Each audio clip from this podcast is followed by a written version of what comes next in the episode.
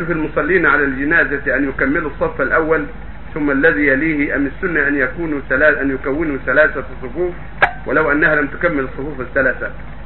أفتى بعض أصحاب النبي صلى الله عليه وسلم فيما روي عنه أنها تكون ثلاث صفوف ولو ولو لم تكمل لكن إذا تيسر تكميلها فهو أولى على طريقة المعروفة في صلاة الفريضة إذا تيسر التكميل فهو أولى وأحفظ نعم. يعني يا شيخ لو صفوا ثلاث صفوف صغار يجوز؟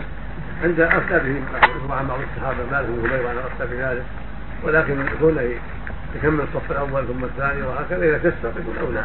لكن الشيخ قد أنا يتيسر هذا بسبب العجلة وبسبب بعض كبار المساجد. أقصد يا شيخ أن الجماعة يكونوا شوية. ولو ينقسموا إلى ثلاث صفوف جايز؟ أو يكون الصف واحد. افتى بهذا من العلم يروى عن بعض الصحابة.